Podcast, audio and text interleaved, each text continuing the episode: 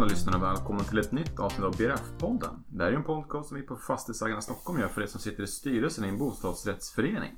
Jag tror också du som bor i en bostadsrättsförening kan ha nytta av att lyssna på den här podcasten för att lära lite mer om vilka frågor som styrelsen arbetar med. Idag ska vi prata trygga boendemiljöer och trygga hus.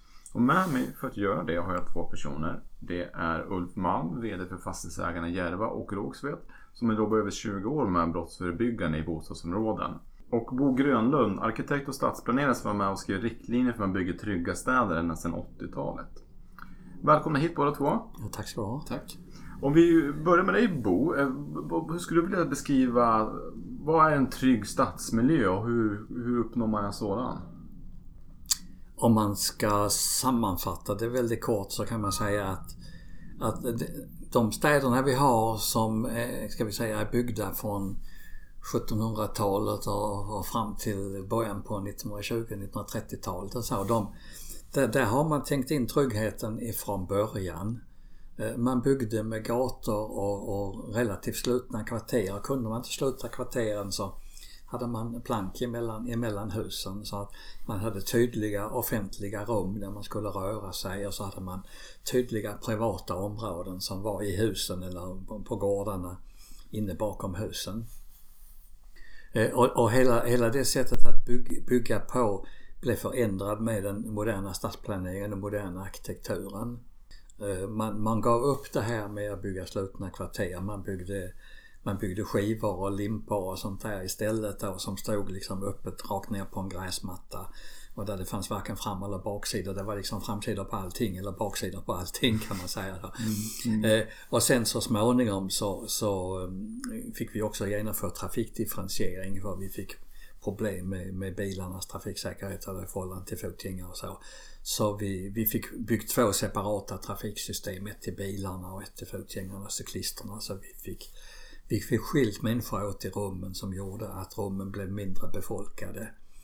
Eh, samtidigt som vi hade gjort alltså en massa områden där det offentliga och det privata var otydligt. Och vilka konsekvenser har det här fått sen då för, för, för trygghet och eventuellt brottslighet och liknande? Det har ju fått till att det är svårare att veta hur man ska uppföra sig. Eh, tidigare var det liksom väldigt tydliga signaler genom rummets utformning, genom arkitekturen om vad som var offentligt och privat. Och när man var, när man var i det offentliga rummet då, då visste man hur man skulle uppföra sig där. Och vi ska relatera till idag då det där polis, eh, ordnings, ordningslagen med, och, och, och polisen, polisen ska kontrollera som gäller där. När du kommer in på ett privat område så är det de som bestämmer över det privata området som bestämmer hur man ska uppföra sig där. Det var väldigt tydligt men när, när, när, när det här, eh, när rummet blev otydligt med vad som var offentligt och privat eh, då blev det också otydligt hur man skulle uppföra sig. Och det blev svårare att säga till folk och säga men varför gör du, vad gör du här och varför gör du så? Och, det här är ju alltså vår bostadstomt, här får du inte göra så. Så det var ju det var svårare när det inte var gränser markerade. Just det, så den, vad kan man säga, den sociala kontrollen tappade i, i betydelse eller i styrka? Ja, det kan man säga och samtidigt eh, Samtidigt så fick vi mer och mer bostadsyta inomhus och vi fick eh, en lägre bebyggelsetäthet i varje fall i förorterna än man hade haft i, i stenstaden eller de täta gamla delarna utav staden. Så vi fick färre människor per kvadratkilometer som fördelade sig på en mycket större eh, rörelsenät än det man hade haft tidigare. Som gjorde ju alltså att på väldigt många ställen när man är ute i förstaden dag och runt så går man runt ensam för det är inga andra ute. Liksom så, va? Just det. Och det skapar ju såklart en, en, en otrygghet, en känsla av otrygghet. Eh, när man inte är sedd eller iakttagen av andra människor runt omkring sig. Ja, man kan säga när det inte är någon så borde det vara ofarligt men så går man ju ändå och säga till sig själv att det kan dyka fram någon bakom nästa buske. Och sådär. Just det, just det. Och antagligen, som du inne på tidigare, trafikseparering och liknande har bidragit till den typen av, av, av problematik också. Man har gångtunnlar under vägarna och ja, och må, Många av de områdena som vi betraktar som utsatta områden idag är ju områden där man har liksom begått alla de här trygghetsfelen på en gång. Alltså mm. från hur hela trafiksystemet är utformat till helt ner i detaljutformningen av byggnaderna. Mm. Mm. Ser du att det har skett någon, sker det någon vändning i det här idag i, i stadsplaneringen? Och finns det dels det och finns det något man kan göra för de existerande miljöer för att få en, en, upp, en bättre och tryggare miljö? Ja, alltså vi har ju, ska vi säga från, från 1980-talet och framåt har vi fått en slags eh, nyurban våg i stadsbyggandet. Eh, i, i, I Stockholm så började det lite grann på Södra stationsområdet på 80-talet. Eh, men det slog, det slog först riktigt igenom i, eh, i Hammarby sjöstad, där söder, söder om, om, om, om Hammarbyhamnen. Som, som är byggt från slutet på 90-talet mm. och, och, nästan 20 år framåt där. Eh, och, där, och där har man fått en kombination av det bästa av det moderna med det bäst, bästa av den traditionella staden.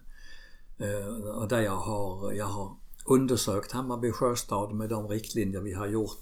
Jag har gått igenom punkt för punkt hur det blev. Och det är faktiskt så att, att eh, de europeiska riktlinjerna är uppfyllda på ett relativt bra sätt med undantag av stora parkeringsanläggningar för bilarna. Luma-parkeringen till exempel, det är ett stort mer vid Hammarby allé. Och så har man haft för, dålig, för dåliga möjligheter till att förvara sina cyklar på ett bra sätt. Så att, så att det var cykelproblematik också.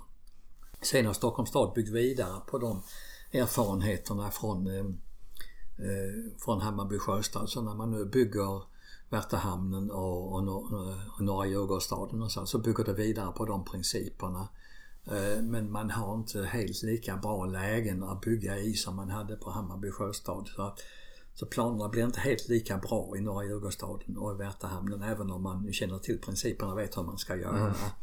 Och det finns en medvetenhet idag i politik och beslutsfattare runt de här frågorna? Ja, både, både ja och nej kan man säga för att det, det är fortfarande beroende av att det finns duktiga planerar duktiga formgivare på Tekniska nämndhuset, om vi nu snackar Stockholms, Stockholms stad, eh, som har bra helhetstillgång till, till stadsmiljö. Eh, och att det samtidigt också finns folk som då specialiserar sig omkring trygghet. Och, och då, då har man upparbetat en bra generell tillgång till, till stadsmiljön varemot det är lite, lite mer oklart hur bra kompetensen är på de specifika trygghetsfrågorna. Jag har varit inne och läst över 60 dokument om norra Djurgårdsstaden. Och det står trygghet i varje dokument.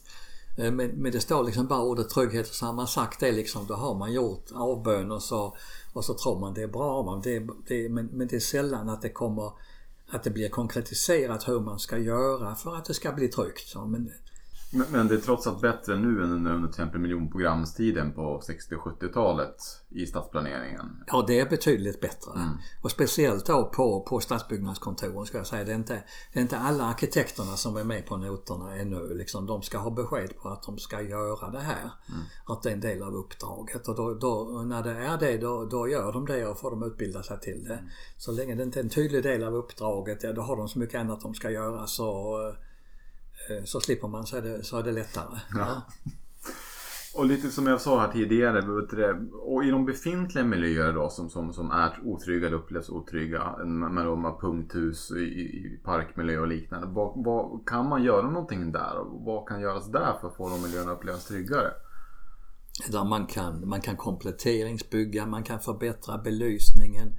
Man kan på strategiska punkter lägga in funktioner, en café eller eller något, något, något, liknande eller någon annan aktivitet eh, som där är folk under en stor del av dagen eller kanske också, också på kvällen. Eh, så det är en hel, del, en hel del saker man kan göra i utemiljön även i mindre skala. Mm, men ganska enkla medel egentligen som, som, som kanske ja. till och med som enskild fastighetsägare Ja, men man, ska, men, men man ska tänka igenom det i förhållande till, till, till ett lite större perspektiv. Så man, man måste veta hur folk rör sig i staden. Alltså man kan man kan inte trolla med folks rörelsemönster. Kanske med undantag om man bygger en bro emellan två öar som inte har varit i kontakt med varandra tidigare. Då, då kan man vara rätt säker på att det blir liksom någon trafik över den där bron. Så här, men, men alltså det är rätt svårt att trolla med trafiksystemen kan man säga när de först ligger fast. Och då, då, då, då, måste man gå ut och räkna hur många fotgängare, hur många cyklister har man? Var är egentligen de centrala stråken någonstans? Kan vi stärka de centrala stråken på det sätt så det liksom smittar av och ger mer trygghet i omgivningarna till dem. Mm. Så man får lagt de här funktionerna som stärker tryggheten på rätta ställen. För lägger du funktionerna på fel ställen så, fel ställen så gav de ju konkurs. Liksom, mm. så. Och så började de ja. från början. Ja. ja, precis. Ja, jättebra. Ehm, ja, Ulf, om jag vänder mig till dig. Vad kan man då som fastighetsägare och bostadsrättsförening göra i den befintliga miljön idag som kan upplevas just som otrygg? Vilka åtgärder kan man börja arbeta med för att, för att, för att lyfta tryggheten? Fastighetsägare är en väldigt underskattad resurs när det gäller det brottsförebyggande och trygghetsskapande arbetet. Eh, redan för 20 år sedan kom regeringen på att det här är ingenting som staten klarar själva, det här med att förebygga brott. Och då gav man ut någonting som heter Allas vårt ansvar. Där man pekar på att hela samhället måste arbeta med detta. Fastighetsägarna nämndes inte direkt specifikt då, men man har lyft upp fastighetsägarnas betydelse mer och mer under åren. Eh, vad kan då en fastighetsägare göra? Ja, framförallt handlar det om fysiska åtgärder för att försvåra brottslighet. Göra det jobbigare för tjuven. Minska antalet tillgängliga brottsobjekt. Eh, göra det tryggare genom att bygga cykelställ, cykelförråd, tvättstugor på så sätt att man gör det bästa möjliga av den informella sociala kontrollen som finns. Till exempel bara för att ta ett enkelt exempel, bygga ett cykelställ som gör att cyklarna är över, naturligt övervakade från bostadshuset. Samma sak med en parkeringsplats. Eh, försöka undvika källare men har man källare som är en väldigt kriminogen miljö så gäller det att jobba med nyckelhantering, elektroniska lås, eh, källarburar som är klassificerade. Ordning och reda, rent och snyggt. Mm. Eh, väldigt mycket som fastighetsägare kan göra. Om vi bara pratar lite om fastigheter runt om. vi bara tittar på liksom yttre skalskydd och så runt mm. fastigheter. Vad kan man göra där? Det är bra exempel på det. Enkla grepp att ta till. Ja, framförallt så hamnar, när det gäller utemiljön så handlar det väldigt mycket om att göra det vackert och trevligt och spännande. Mm. Det, det, här arbetet handlar ju inte om taggtråd och galler och sånt där i första hand utan det ska vara en inbjudande, spännande miljö som upplevs trygg även på kvällen mm. Eh, när man är ensam. Och det kan man jobba mycket med belysning. Mm. Sen gäller det såklart att, att det finns ett skydd in i huset. Mm. Men man ska också utgå från att tjuven kan bo i huset. Och, eller att barn och ungdomar kan inleda sin karriär i den egna fastigheten. Så det gäller att säkra inifrån. Och därför har vi fyra föreningar i Stockholm tagit fram systematiska underlag för sånt arbete. Med, med, vi genomför besiktningar av våra medlemmars fastigheter med hjälp av en checklista som vi har utvecklat under 15 års tid. Mm. Som ger väldigt goda resultat med kraftigt minskad brottslighet och kraftigt ökad upplevd trygghet. Så, så, så då gör ni en inventering över riskområden så att säga ja. och förslag på åtgärder eller hur ja. det? Ja. Vi går helt enkelt med hjälp av en checklista igenom hela fastigheten. Från utemiljön och ner i källaren och tittar på cykelförråd och tittar även på förvaltningsrutiner. Så att det handlar väldigt mycket om traditionell förvaltning men som är förstärkt också med tekniska specifikationer. Det. Är det någonting man som fastighetsägare och bostadsrättsförening kan ta, ta del av eller hur arbetar ni med det? Ja, vi har ju som, som medlem i våra föreningar så, har man ju, så ingår det att man kan få en besiktning av en expert. Vi har flera experter knutna till föreningarna som går runt i fastigheterna med checklistan. Eh, men checklistan i sig är tillgänglig och kan laddas ner på vår hemsida. Så den kan alla titta på på www.jarvafast.se. Kan man leta och ladda ner. Mm. Om man tänker titta på, på den här checklistan och ni går ut och besöker fastigheter med den. Vad skulle du säga är de vanligaste åtgärderna ni, ni identifierar och man, som man väljer att fokusera på för att öka tryggheten i, i husen? Ja, det handlar alltid från orienterbarhet. Att man ser var man är någonstans. Det ska vara tydligt på kvällen var ens port är någonstans. Eller den porten man vill gå till, var den finns någonstans. Man ska ha en översiktbarhet utomhus. Eh, det ska inte vara lätt att ta sig in i trapphuset ifall man är obehörig. Och eh, det ska vara ordning och reda. Välstädat, det gäller rakt igenom. Eh, Kommer man ner i källaren så, så ska det vara en brytsäker dörr med en brytsäker profil. Och Eh, inne i källaren så ska det vara har vi speciella krav på källarburarna. Det ska vara klass 3 med klass 2 hänglås och eh, cykelrum ska det finnas möjlighet att låsa fast cykeln eller barnvagn. Eh, cykelförråd, källarförråd ska vara separerade från varandra. Och även tvättstugor så man inte blandar alltihopa. Det gör att man kan eh, behovspröva eh, tillgången till de här utrymmena. Så att det är inte samma person som behöver ha tillgång till en cykel som behöver gå ner i tvättstugan. Så då kan man räcka det med en bricka i varje hushåll som, som går till tvättstugan och så vidare. Eh, nyckelhantering är en annan sak. Säkerhetsdörrar är klart viktigt att, att eh, Och in till lägenheterna. in till lägenheterna. Men man ska också tänka på att säkra lågt balkonger eller entrédörrar på baksidor. Där är ofta, gillar tjuven ofta att gå in också. Så innan man ropar på fler poliser och eh, ordningsvakter och sätter upp kameror och andra saker som, som eh, man tror man kanske ska börja med. Så ska man göra allt detta enligt vår checklista. Just det. För man kommer ganska långt och ni ser då bevisad effekt antar jag på, på minskad brottslighet. Ja. Eh, när man gör de här åtgärderna.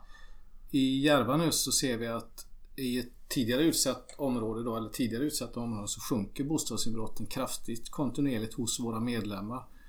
Och dessvärre hos våra icke-medlemmar så ökar bostadsinbrotten. Det här beror inte på en överflyttning utan det kan vara tillfälligheter. Men det är inga tillfälligheter att, att bostadsinbrotten minskar kraftigt hos, våra medlemmar. Det är ett resultat av detta. Vi kan se enskilda medlemmar som har enorma ökningar i trygg, trygghetsupplevelse via sina NKI-undersökningar. Med 20 punkter har till exempel Svenska Bostäder som är den största fastighetsägaren på Järva ökat sin trygghetsindex eh, på, på bara 10 år. Så att, När man börjar jobba kontinuerligt och aktivt med den här typen Ja. av, av inventeringar och åtgärdsplaner. Ja. Mm. det är ett trist vanligt förvaltningsarbete Mm, kan man säga. Så kommer väldigt långt Ja, låter det som. precis. Ja. Samtidigt finns det ju inga regler kring detta vilket är lite märkligt. Nej, just det. Det det finns ju inga lagar. Det står ingenting i PBL vare sig det Bo pratar om eller det jag pratar om. Så att man är utlämnad till marknaden kan man säga som bostadsförening eller fastighetsägare. Mm. Eh, Därför har vi tagit fram detta. Men ja, järvafast.se var det Ja. Mm, Då kan man gå och läsa den här trygghetscertifieringen och titta mer på hur ni jobbar med det. Mm. Eh, men det vill jag nog tacka för att ni tog er tid att komma hit. Tack så mycket. Ja, tack för att vi fick Tack. komma. Ja. tack så mycket. Tack, tack. Hej.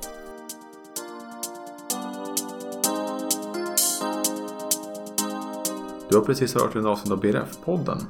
Hoppas du tyckte det var intressant och lärorikt, precis som våra tidigare avsnitt. Du hittar fler avsnitt av den här podcasten på soundcloud.com, iTunes podcaster och även på vår hemsida fastighetsagarna.se Stockholm. Men det vill jag tacka för oss och hoppas att du vill lyssna på oss igen framöver.